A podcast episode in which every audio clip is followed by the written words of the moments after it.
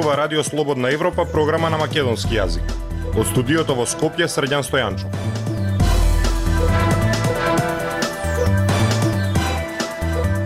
Ја слушате емисијата на Радио Слободна Европа, почитувани. Во неа објавуваме Многу тајни околу производството на електричен автомобил во Тетово. Ќе биде ли македонската Тесла или новиот субрата Рој? Проблемите во банкарскиот систем се сигнал за метастазиран криминал и корупција, вели поранешниот министер за финансии Джевдет Хајредини. Воените вежби на НАТО во Македонија кои инцидираат со тензиите меѓу Косово и Србија. Слушајте ме.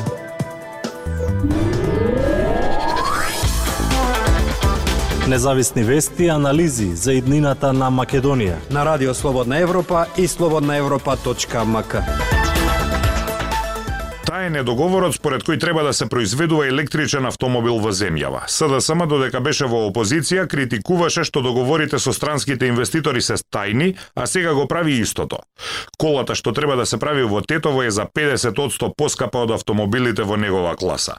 Експертите посочуваат и дека нема инфраструктура и работна сила за производство на вакви коли кај нас. Владимир Калински Новата ера на стратешки инвестиции владата ја почна без да го објави договорот за најновата странска инвестиција на германската компанија Next Ego Mobile, која најави изградба на микрофабрика за електричните автомобили Ego во економската зона во Тетово.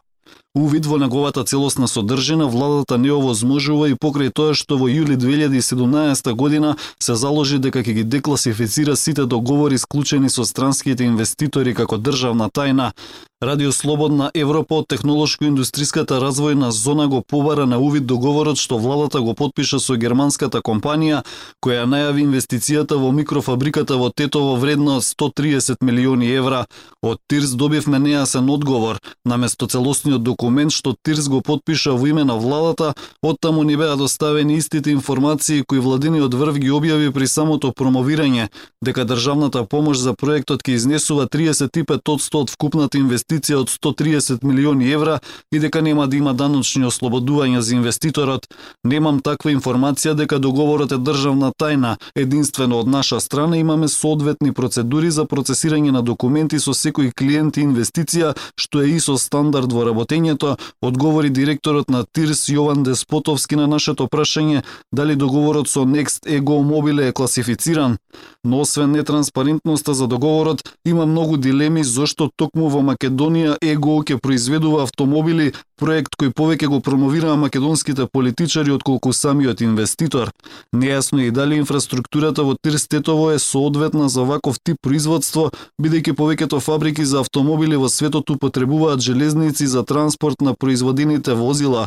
Во одговорот кој го добивме од Next Ego Mobile се вели дека компанијата смета дека Македонија обезбедува конкурентен екосистем како што се трошоците за земиштето и изградбата, но и талентиран човечки капитал како како резултат на образовниот систем, сигурна инфраструктура и потенцијални обновливи извори на енергија, бизнисменот Мендерес Кучи, иако оценува дека фирмата е свесна за ризиците кои ги преземала со инвестицијата, според него тир зоната во Тетово се уште е со недоволно развиена инфраструктура, како на пример поврзувањето на зоната со автопатот. Голем дел од инфраструктурните зафати што требаше автопатот да се врзува со зоната не е направено, а тоа не, не е работа на зоната, туку е работа на нашиот политички естаблишмент. Вели Кучи, на 13 август на денот на одбележувањето на рамковниот договор, државниот врв предводен од премиерот Димитар Ковачевски, министерот за финансии Фатмир Бесими, министерот за економија Крешник Бектеши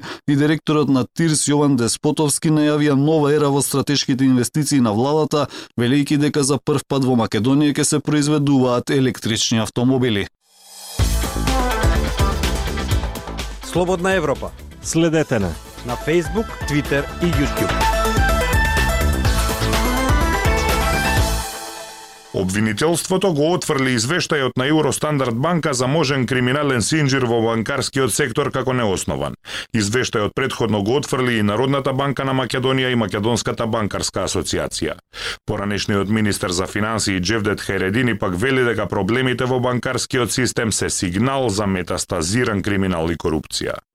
Зорана Гаджовска Спасовска Обвинителството за сега води само една истрага, а таа се однесува на притисикување стечај на Евростандард банка и перање пари. Осомничени се четири лица. Најголемиот акционер во банката Трифун Косовски признава дека банката учествувала во незаконска шема со издавање на кредити без покритие, но тврди дека доцна открил за шемата, во која Евростандард, како што вели тој, е само соучесник. Во извештајот кој вчера беше објавен, направен од приватна словенска ревизорска куќа, детално се објасните шеми на делување и за аферата Кубус, но и за последните неколку години од постоењето на Евростандард банка, односно за периодот непосредно пред да биде прогласен стечај. Во него е посочено дека Евростандард банка како соучесник во банкарскиот синџер фалсификувала подписи, фрлала стотици илјади евра низ фирми без знаење на собствениците преку фирми посредници. Фирмите за кои пишува во извештајот сега судски ги разрашуваа дилемите кој на кого дал пари и клучното прашање каде завршиле парите што сега тие ќе треба да ги вратат. Во однос на обвинувањата за банкарскиот синџир за фиктивно кредитирање и перење пари преку фирмата Кубус од осомничениот бизнисмен Трифон Костовски од обвинителството велат дека неколку јавни обвинители досега работеле на предистражна постапка и не утврдиле кривично дело, затоа што обезбедените докази и вештнаот укажувале дека не се надминати законските ограничувања. Постапката за аферата банки која се однесува на фирмата Кубус беше отворена уште во 2013 година. За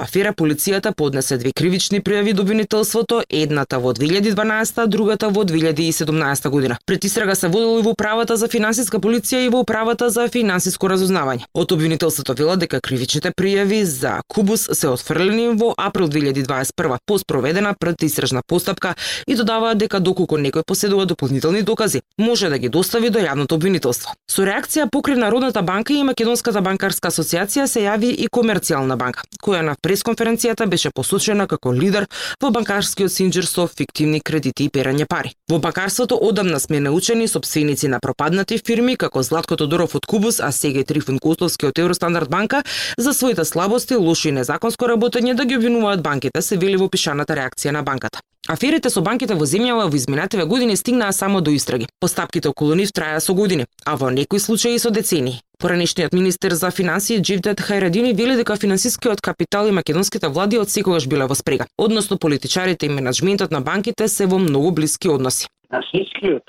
систем е сложен систем. Кога таму се појавуваат проблеми, а банките се еден од сегментите, тоа е сигнал дека метастазирал криминалот и корупцијата, што општо не е ништо неочекувано во Македонија. Според Харедини, коренот на проблемот е во државата, затоа што за да се процесираат сите случаи и сомнежи за криминал, треба прво да функционира нормално државата. Сега ова се чист акционерот главниот на Евростадијат банка. Кого он обвинува? Он сам по налог на тие политичари сам подпишувал наредби да се одобрат кредити таму кај што он вика. Еден од предметите кои во изминатиот период се доближи до судница е аферата Поштенски банки, која што поречи се една деценија минатата година доби обвинителен акт.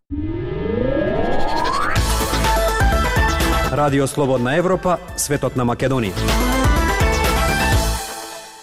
Воените вежби на НАТО во Македонија коинцидираат со датумот до кој треба да се знае епилогот од ситуацијата на Косово која настана по поставувањето на барикади од страна на локалните срби поради намерата на Приштина да почне со издавање документи за влез-излез на српските граѓани и промена на српските регистарски таблички. Надлежните велат дека обуките и вежбите на Криволак се дел од тековни и планирани активности. Марија Митевска Воени вежби, обуки на квор на Криволак и прилет на американски авиони над земјава на само една недела до 1 септември, кога косовските власти треба да почнат со издавање документи за влез-излез на српски граѓани и промена на српските регистарски таблички. Во услови на зголемено присуство на НАТО на северот на Косово се покренува прашањето за безбедносната состојба на регионот. Од кабинетот на председателот Стево Пендаровски вела дека шефот на државата редовно информиран за безбедносните случувања образование во земјава и регионот од надлежните институции, како и за можни безбедносни ризици доколку има дестабилизација на безбедносната состојба во регионот. Во моментов не е планирана седница на Советот за безбедност, која би била посветена на случувањата на релација Србија-Косово, но безбедносната состојба во земјата, регионот и пошироко е неодминлива тема на секоја седница на Советот за безбедност, велат од кабинетот на Пендаровски. Два американски бомбардери од типот Б-52 го прелета СА Скопје.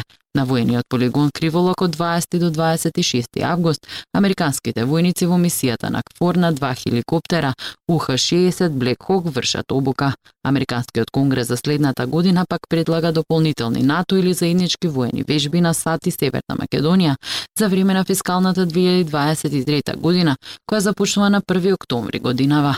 Министерството за одбрана вели дека Северна Македонија и Соединетите држави имаат исклучително интензивна и блиска соработка на полето на одбраната. Интензитетот на вежбовните активности се должи исклучиво на заедничките планови и интересот за развој на интероперабилноста во Алијансата, исти како одличните услови и содржини кои ги нуди нашиот најголем полигон Криволак, чиј континуиран развој е во врвот на приоритетите на Министерството и на армијата. Велат од Министерството за одбрана на прашањето дали зголемените активности се должат на случувањата во Косово. Тековните вежбовни активности, како што посочуваат од Министерството, се планирани согласно планот за билатерална соработка за 2022 година меѓу Северна Македонија и Соединетите држави, односно станува збор за планска активност, а ваков вид на вежби се реализирале и предходно. Капацитетите на армискиот полигон за изведување на ваков вид на обука беа потврдени и годинава со успешната реализација на досега најголемата воена вежба во нашата земја, Swift Response 22. И за време на оваа вежба се потврди фактот дека Криволак е исклучително важен капацитет за развојот на интероперабилноста, способностите и вештините на армиските припадници и припадниците на сојузничките армии, велат од Министерството. На прашањето дали се зајакнува борбената готовност поради случувањата во Косово, слично одговори и од кабинетот на председателот. Армијата има редовни вежбовни активности заедно со сојузничките армии во рамки на НАТО, како и со партнерите кои се дел од одржувањето и напредувањето на борбената готовност согласно потребите кои ги имаме како членка на НАТО, додаваат од кабинетот на председателот. Актуелности свет на Радио Слободна Европа. Западот воведе казнени санкции за руската економија, па стотици странски фирми ја напуштија земјата поради руската агресија врз Украина. Зошто тогаш невработеноста во Русија е на минимум? Анализата ја пренесува Гоце Атанасов. На прв поглед, стапката на невработеност во Русија едноставно нема смисла. Западните земји воведоа огромни финансиски и технолошки санкции кон Русија, погодувајќи низа економски сектори, од производството на автомобили и информатичката технологија до туризмот и туркајќи ја нацијата во рецесија. Во исто време, голем број западни компании кои вработуваа стотици, а во некои случаи и илјадници руски граѓани, се повлекоа во знак на протест против инвазијата врз Украина. И покрај тешките економски ветрови, руската невработеност падна на постсоветскиот минимум од само 3,9% во мај, далеку под просекот на Европската Унија и не многу над американската бројка од 3,6% и остана на истото ниво во јуни. Соглед оглед на големиот број докази дека владата на председателот Владимир Путин ги фалсификувала изборните резултати, може да се предпостави дека и кога станува збор за стапката на невработеност во Русија, постои значително преклопување помеѓу лагите и статистиката. Сепак многумина вела дека главното објаснување за ниската стапка не е сомнителната статистика. Наместо тоа, тврдат тие, Тоа е комбинација од надолни демографски трендови и долгогодишно искуство во справувањето со економските пресврти. Масовниот екзодус на работоспособните луѓе од Русија по инвазијата врз Украина во февруари, големиот дел од работните места на мигрантите од Централна Азија изголемената побарувачка за луѓе, за војната, исто така играат значена улога во намалувањето на невработеност. Загубата на работните места се очекува да се зголеми почнувајќи од есента, бидејќи сезонската работа во земјоделството, градежништвото и туризмот се намалува, а рецесијата предизвикана од санкциите се продлабочува. Факт е дека Кремљ Работодавците и луѓето се добро навикнати на економската криза, изјави за Радио Слободна Европа Крис Вифер, основач на консултантската група Макро Советодавност додавајки. Постои добро развиен систем на вработување и социјална подршка и ја одржува невработеноста на ниско ниво. Со секој шок владата стекнува искуство во справувањето со проблемите со потенцијалните политички последици, вклучително и невработеност. Ја слушавте емисијата на Радио Слободна Европа на македонски јазик. Со вас беа продуцентот Дејан Балаловски и Средјан Стојанчо. До слушање.